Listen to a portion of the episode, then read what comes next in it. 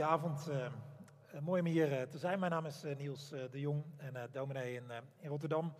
En ooit ook gewerkt in, in Gouda, dus deze plek is niet helemaal nieuw voor mij. een van mijn favoriete programma's de laatste tijd is Kamp van Koningsbrugge. Ik weet niet of je dat ook wel eens kijkt. ik kan er wel van genieten. Nou, ik ga er niet over uitweiden, maar een van de eerste afleveringen, daar is Ray, de instructeur, de de man die alles leidt, die zegt tegen die 15 gewone burgers, want daar gaat het programma om, om te kijken of die geschikt zijn uh, om als uh, toegelaten te worden tot korps commando troepen, zegt hij tegen die 15 mensen, ik kijk de komende tijd naar jullie gedrag. Of, dat in, of dat is wat ik zoek.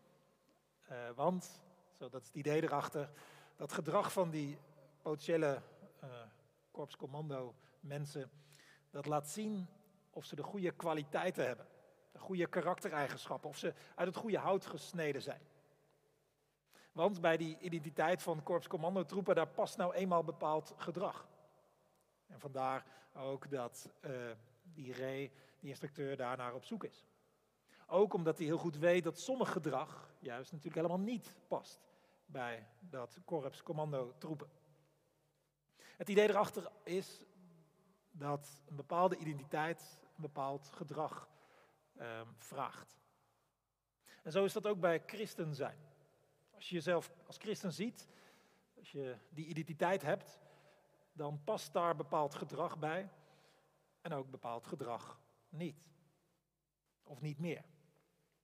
En Paulus uh, in zijn brieven in het Nieuwe Testament wil hij heel erg helpen mensen om hun gedrag in overeenstemming te laten zijn of worden met hun identiteit, met hun christen zijn.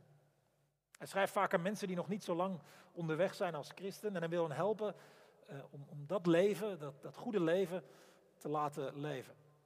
Hij wil hen helpen om het juiste gedrag te laten vertonen. En daar schrijft hij zijn brieven voor. Onder andere de brief aan de Efeziërs. En daar wil ik een stukje uit lezen. Efeziërs 4 en 5. Lees ik een aantal versen uit. En je kunt uh, uh, meelezen. En daarin beschrijft hij dat, uh, dat, dat nieuwe leven, dat nieuwe gedrag heel concreet. Ongemakkelijk concreet bijna. Hij zegt het zo. Leg daarom de leugen af en spreek de waarheid tegen elkaar. Want wij zijn elkaars ledematen.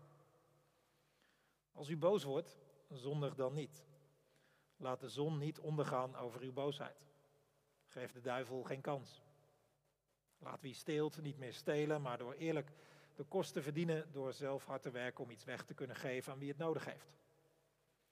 Laat geen vuile taal over uw lippen komen, maar alleen goede en waar nodig opbouwende woorden, die goed doen aan wie ze hoort.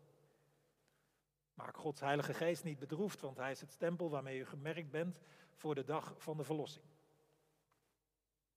Laat alle wrok en drift en boosheid varen.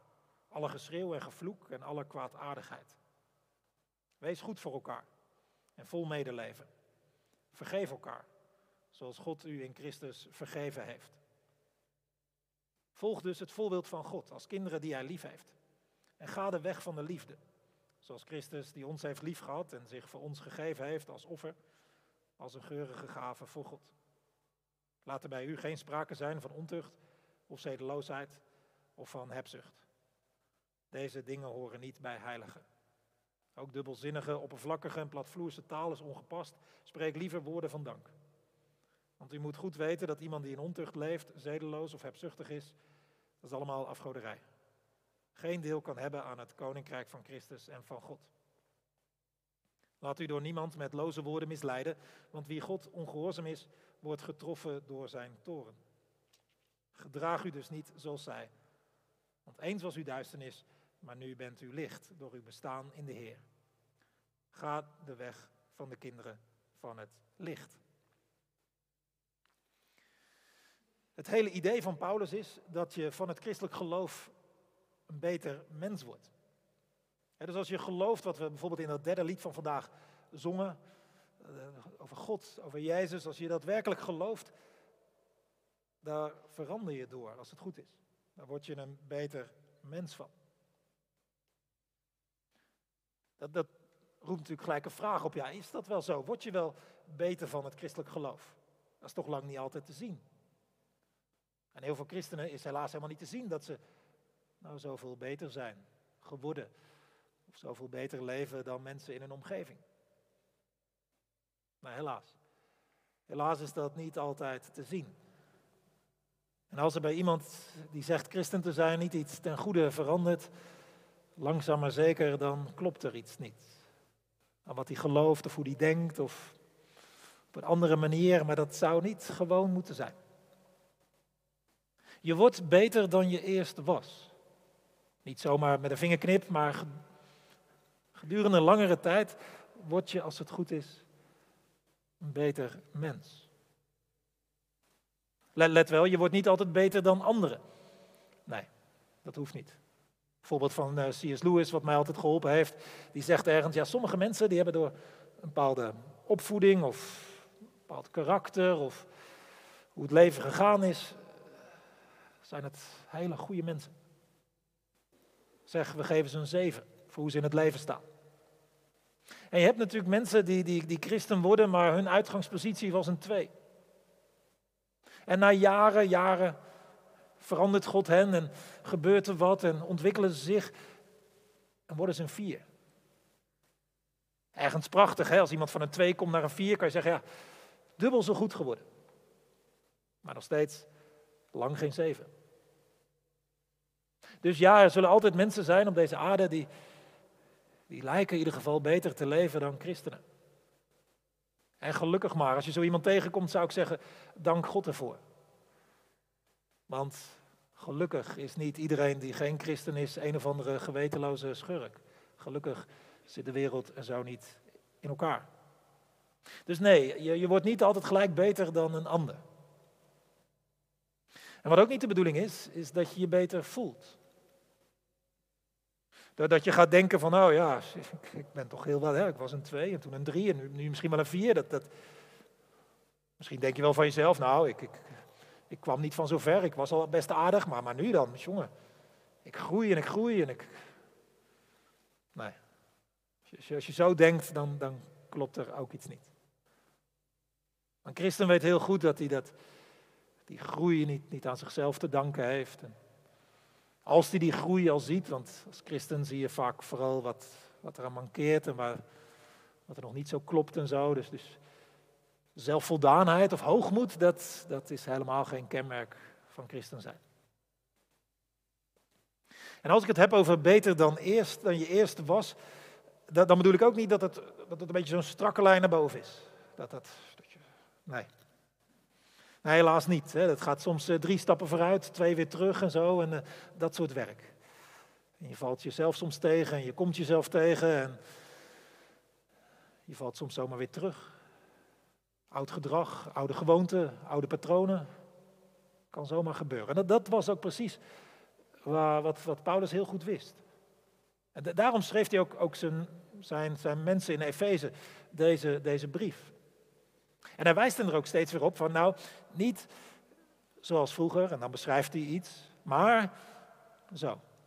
Niet die oude weg, niet die vroegere levenswandel, maar.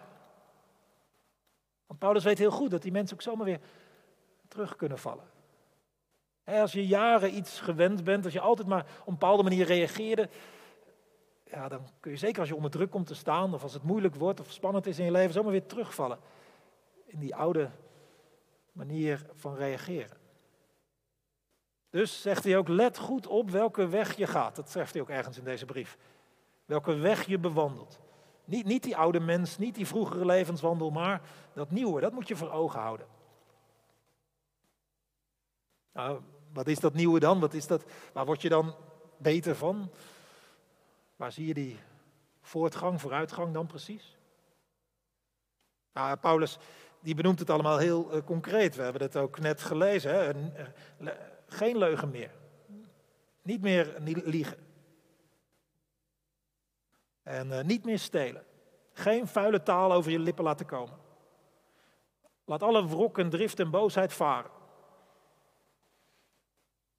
En al dat soort korte zinnetjes wat niet meer de bedoeling is.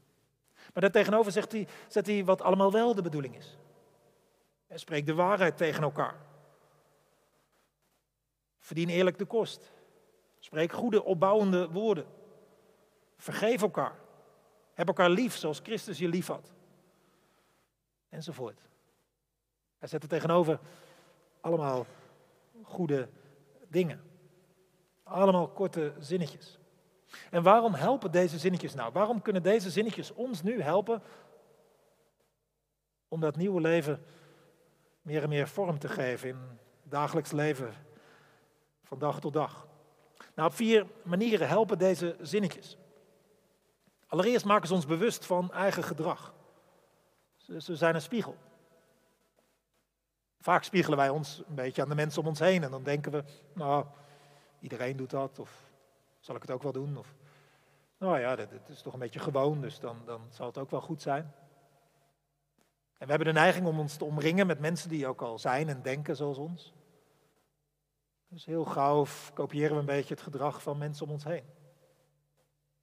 En dan kan het heel goed zijn om eens een ander geluid te horen, om iets anders te zien, om, om iemand te zien. Van heel andere, een christen van een heel andere cultuur of een christen van een heel andere generatie, maar ook dat christelijke leven zoals Paulus dat zich voorstelt. Daar kun je dan jezelf in spiegelen. En dan kun je misschien denken van, jongen, ben ik misschien ook op weg om een bitter mens te worden?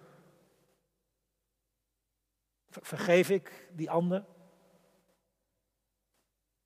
Wat, wat, wat komt er eigenlijk aan woorden uit, uit mijn mond? Laat ik de zon ondergaan over mijn boosheid? Dat, dat is de bedoeling, dat je je zo met zulke vragen spiegelt aan deze zinnetjes. In in de tweede plaats helpen deze zinnetjes om ons te laten, laten zien dat het in het christelijke leven niet, niet al, vooral gaat of alleen maar gaat om, om geestelijke dingen.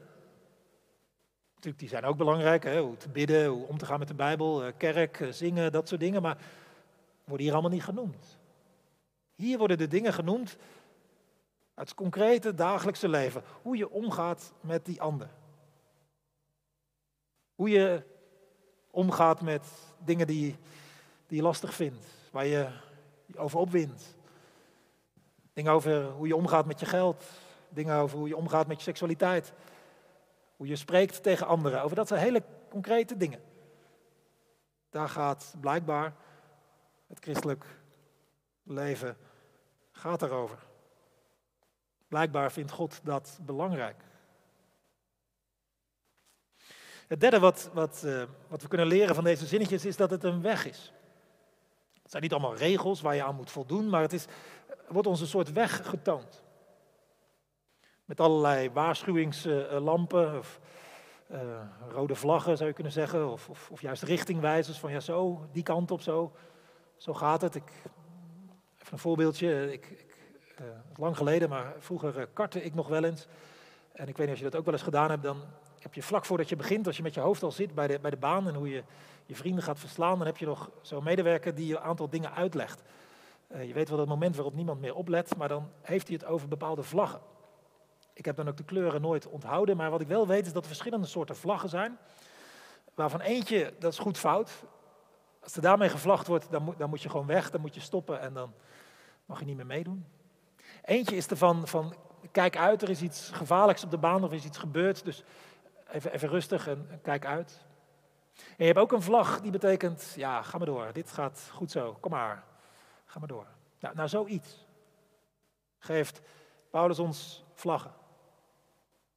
Sommige vlaggen die, waarvan die zwaait nee, dit kan niet meer. Als je, als je, als je dit doet, dan, dan heb je geen deel meer aan het koninkrijk van God. Dan zet je jezelf te buiten. En andere vlaggen die, die zegt, ja, hier begint het al een beetje mis te gaan. Hier moet je opletten. Want anders doe je jezelf of een ander schade. En allerlei zinnetjes waarvan hij zegt van ja, hier, dit, dit, dit is de goede weg. Probeer die weg te volgen, ga maar. Zoiets.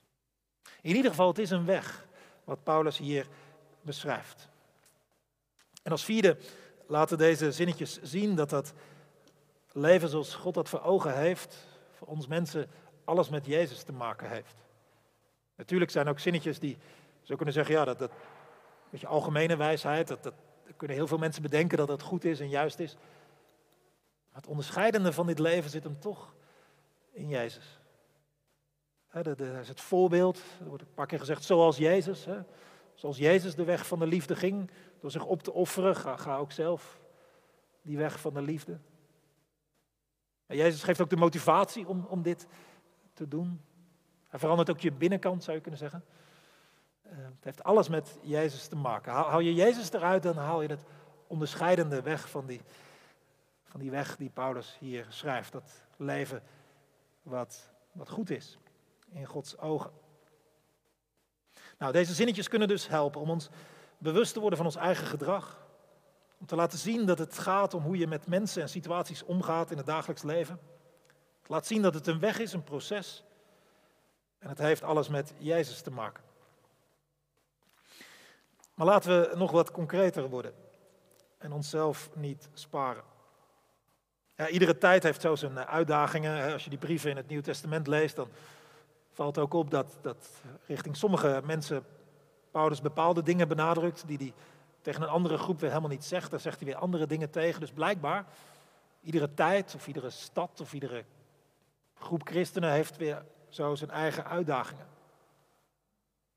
En uit dit gedeelte heb ik drie punten wil ik bespreken waarvan ik denk, ja, daar, daar komt het voor ons vandaag de dag op aan. Het eerste punt gaat over boosheid. Je hoort wel eens mensen zeggen, zeker over, over de afgelopen jaren ook, van het, het lontje is korter geworden bij mensen. Mensen kunnen soms minder hebben van elkaar, bereid een soort onvrede, frustratie bij veel mensen. Ik weet dat ik jaren geleden al eens een keer een boek las met de titel Age of Anger, tijdperk van woede. Nou, die is nog niet voorbij, dacht ik. En, en, in zo'n tijd, misschien voel je het zelf wel, dat je zegt, ja, er zit ergens bij mij van binnen ook frustratie, boosheid om, om dingen die misschien vroeger gebeurd zijn, of wat mensen me hebben aangedaan, of, of om alles wat niet mocht en niet kon de afgelopen periode, dat je frustratie ook voelt. Nou, dan is het relevant wat, wat Paulus zegt. En die zegt dan tegen jou en mij, als u boos wordt, dat, kan dus. Er zijn gewoon situaties dat het heel goed is om boos te worden. Maar zegt Paulus, als u boos wordt, zondig dan niet. Wat, wat, dat kan natuurlijk ook weer zomaar gebeuren. Hè? Dat als je boos wordt, dat je dan gaat, mensen gaat raken of proberen dingen te zeggen die. Nou, dat is niet.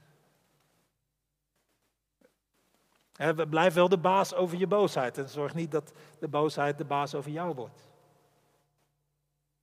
En boos worden kan, maar boos blijven, nee, nee. Laat de zon niet ondergaan over uw boosheid.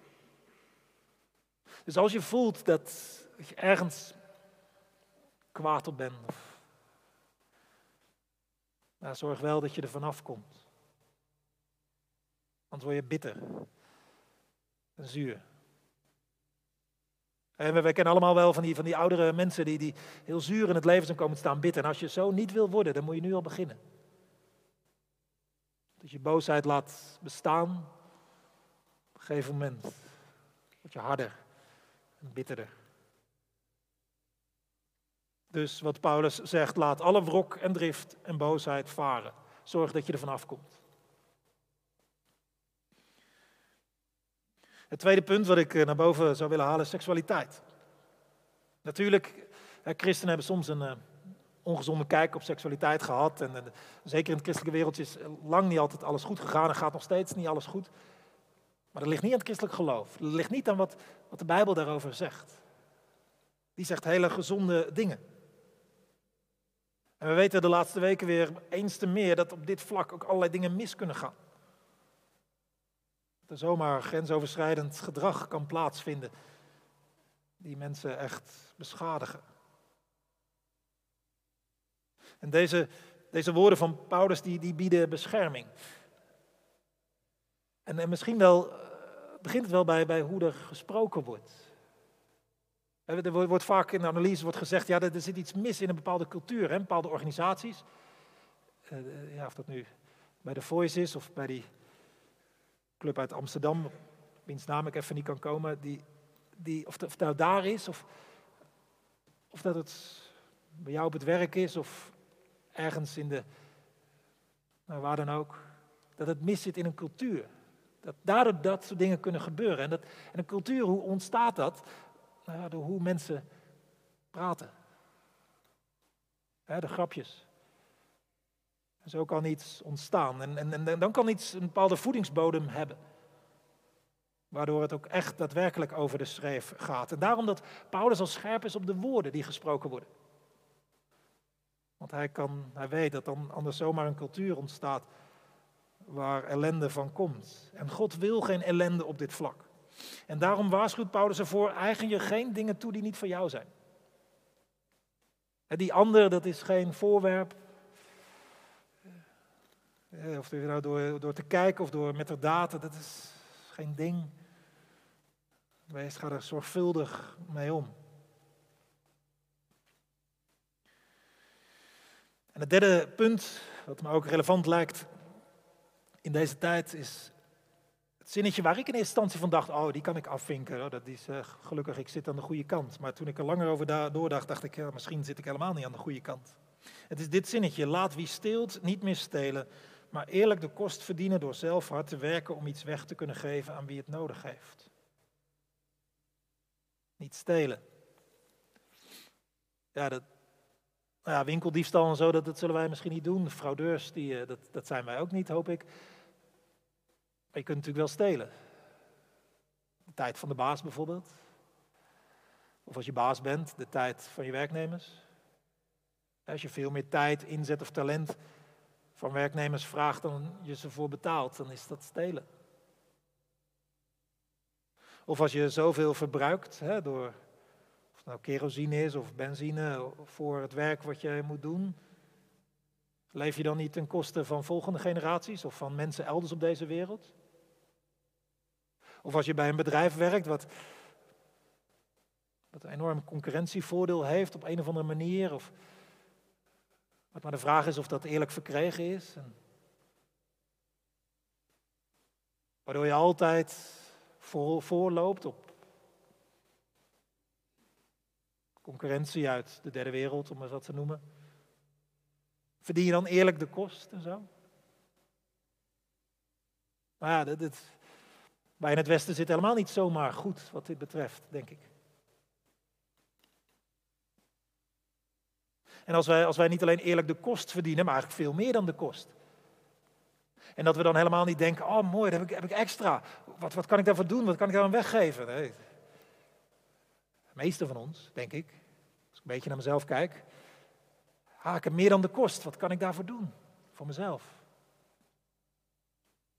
Paulus zegt nee, als je, als je meer verdient, hè, dan heb je, heb je meer om weg te geven. Ja, zo kan het ook. Nou ja, die ongemakkelijke zinnen van, van Paulus, die, die, die, die, die schrijft hij niet op om ons een beetje dwars te zitten, maar de weg te wijzen. Zo eindigt het gedeelte dat we ook lazen. Ga zo de weg van kinderen van het licht. Dat, dat is wat Paulus wil. Dat is uiteindelijk wat God wil. Niet dat je in de duisternis leeft. Hè? In de duisternis, daar, gebeurt kwaad, daar is het donker, daar verdwaal je, daar dol je, daar weet je niet welke kant het op moet. Maar in het licht, ja, daar, daar is, ja, daar, daar, dat is open, hè? Daar, kunnen dingen groeien, daar hoef je, hoef je geen, niet, niet te schamen en zo. Hè? Dat, dat is wat God wil voor je. Dat je open kunt leven. Je niet hoeft te schamen en dat je ergens komt. Dat is de weg die God voor ogen staat, voor jou en mij.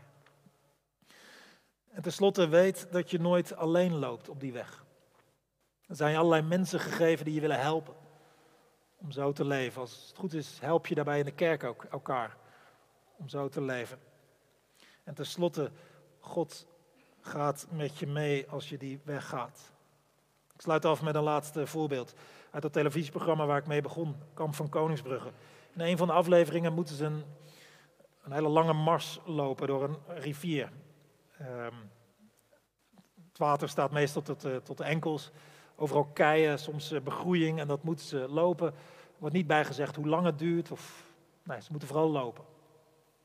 In ieder geval zomaar, tenminste, het kan zomaar zeven uur duren. Zoiets wordt er nog wel bij gezegd, maar Ze moeten gewoon lopen en ze mogen er niet uitstappen. En om de tien minuten vertrekt er eh, een kandidaat.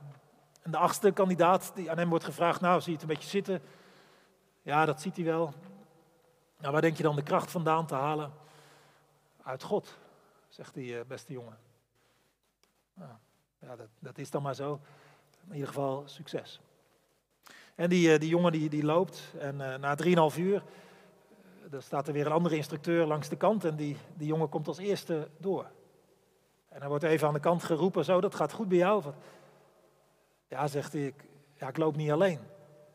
Ik loop niet alleen. Nee, met, met God. Haal ik mijn kracht uit. Bij elke stap dacht ik aan God.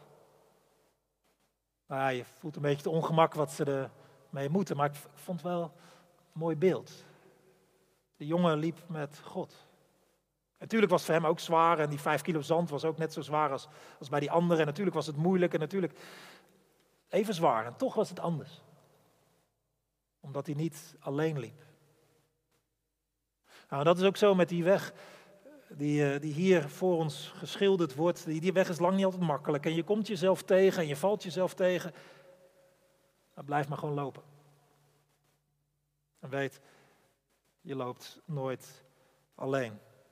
God, het licht, gaat met je mee. Amen.